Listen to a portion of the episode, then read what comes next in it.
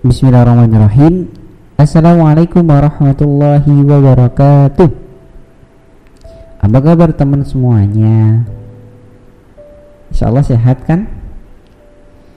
Alhamdulillah ketemu lagi bareng aku Farus Umaydayat Di ruang perjumpaan suara Yang bisa teman-teman dengarkan sambil beraktivitas lainnya Mungkin di sini teman-teman ada yang sedang belajar, sedang berkendara, sedang membantu orang tua, ataupun sedang melaksanakan aktivitas-aktivitas lainnya kan ya.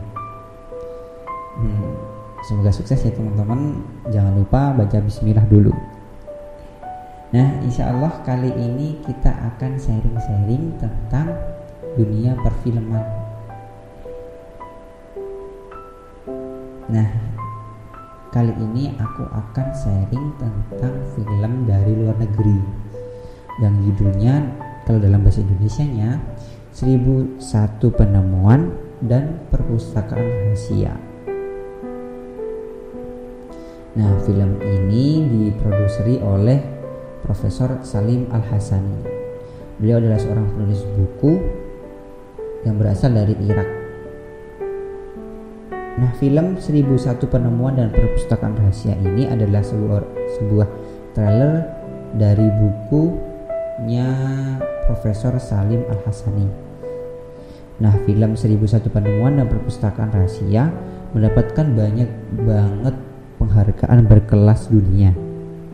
Yang pertama, film terbaik seni dan kemanusiaan dari New York Festival 2010 kemudian film terbaik pendidikan dari Cannes Corporate Media and TV Festival tahun 2010 film pendidikan terbaik dari US International Film Festival tahun 2010 film terbaik pendidikan dari EVCA Awards tahun 2010 kemudian film terbaik pendidikan dari World Media Festival tahun 2010 Masya Allah oh, banyak banget penghargaan-penghargaan berkelas dunia.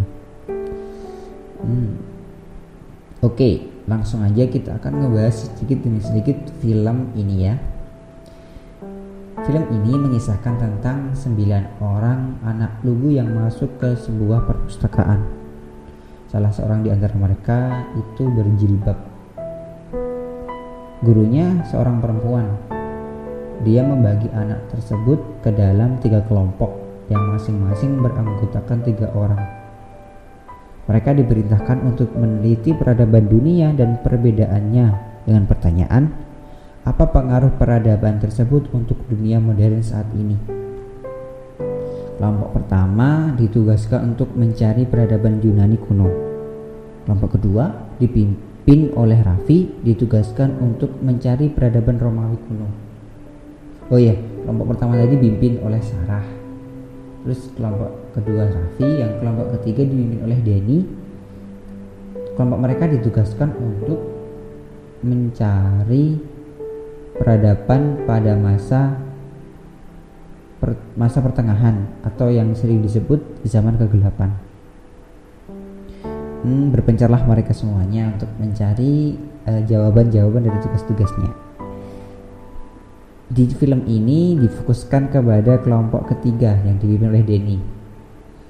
Hmm, si Denny ini kemudian dan si Denny dan teman-temannya naik ke perpustakaan atas. Di sana dia di ketemu sama seorang pustakawan laki-laki yang kira-kira umurnya 50 tahun lah.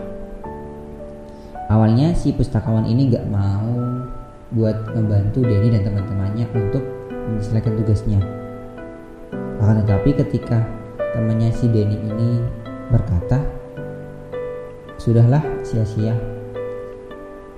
Toh eh, peradaban Yunani dan peradaban Romawi adalah yang berpengaruh untuk eh, peradaban modern saat ini. Tetapi oleh sang pustakawannya disangkal. Oh iya? Apakah benar begitu? Coba kita buktikan ya.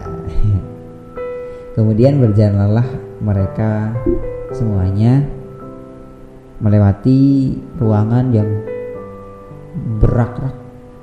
Itu buku semuanya. Terus sampailah uh, sebelum itu uh, ber berakrak ya bergerak semuanya. Kemudian tanya anak itu mau di, mau dibawa ke mana kita? Jawab sang pustakawan dari kegelapan menuju cahaya. Nah kemudian sampailah mereka ke sebuah ruangan. Kemudian sang uh, pustakawan ini mencari buku-buku yang mau ditunjukkan kepada anak-anaknya. Kemudian ketemulah buku itu yang udah agak kuno. Silahkan lihat kenyataan di zaman yang kalian cari kalau kalian berani kata sang pustakawan untuk menantang si anak-anak tersebut dan buku tua itu pun terbuka sendiri kemudian muncullah cahaya silam Nah, di dalam cahaya itu keluar seorang ilmuwan yang bernama Al-Jazari, seorang penemu mesin yang disebut zaman kegelapan itu tidak sepenuhnya gelap. Kegelapan itu hanya di Eropa. Sementara itu ada peradaban yang bersinar terang benderang, terbentang dari Spanyol hingga ke Cina, kata Al-Jazari. Peradaban siapa itu? Kata Denny. Peradaban orang Islam saudaraku, kata Al-Jazari peradaban Islam itu bermanfaat banyak banget pada dunia modern lebih dari apa yang dapat orang bayangkan kemudian muncullah Ibnu Haitam seorang penemu yang penemu kamera yang asli. Karena jasa beliau uh, kita bisa, saat ini bisa melihat film. Kita bisa foto-foto kita bisa uh, apa ya mengabadikan momen-momen kita ya. Karena jasa Ibnu Haitam sang penemu kamera atau sang penemu optik lah. Kemudian setelah Ibnu Haitam muncullah Abbas bin Firnas penemu pesawat terbang yang sebenarnya. Ide pertama pesawat terbang adalah beliau Abbas bin Firnas. Sebelum White dan bersaudara menemukan pesawat. Setelah uh, Ibnu Haitam, kemudian Abbas bin Firnas, kemudian muncul Abu Al-Qasim Al-Zahrawi, bapak pembedahan. Nah, alat temuannya ini masih dipakai di rumah sakit modern sekarang. Kemudian muncul Maryam Al-Astrolobi, ahli astrolog tentang letak langit dan bintang. Nah, ketiga anak terjadi terpukau. Uh, ternyata zaman kegelapan tuh gak sepenuhnya benar. Ada zaman keemasan di sampingnya. Zamannya peradaban orang-orang muslim. Nah, setelah uh, setelah lihat zaman keemasan tadi, Ketiga kelompok anak itu kembali ke lantai bawah, tempat guru dan kawan-kawannya. Nah, Denny dan teman-temannya itu terlambat ternyata.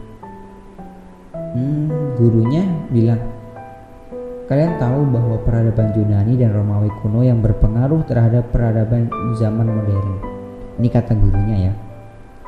Kemudian dijawab oleh Denny dari atas tangga. Sebenarnya bu, itu tidak sepenuhnya benar. Nah, kata-kata tadi eh, penutup lah dari film-film ini tadi selesai. Itu bu, eh, filmnya nyeritain tentang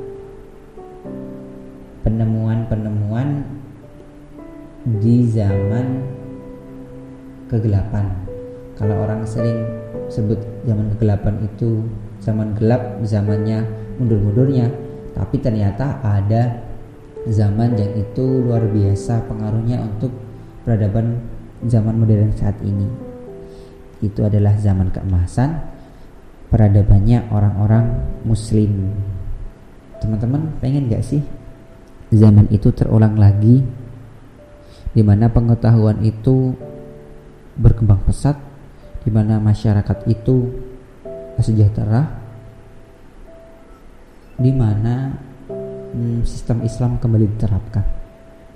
Teman-teman kangen gak? Teman-teman pengen gak? jawab ya hmm, oke okay. Itu sekian sharing-sharing dari aku. Bila banyak salahnya mohon maaf banget. Sekian teman-teman. Semoga kita bisa berjuang lah untuk mengembalikan zaman keemasan tadi di zaman modern ini. Sekian. Wassalamualaikum warahmatullahi wabarakatuh Bye, ketemu lagi di acara podcast selanjutnya.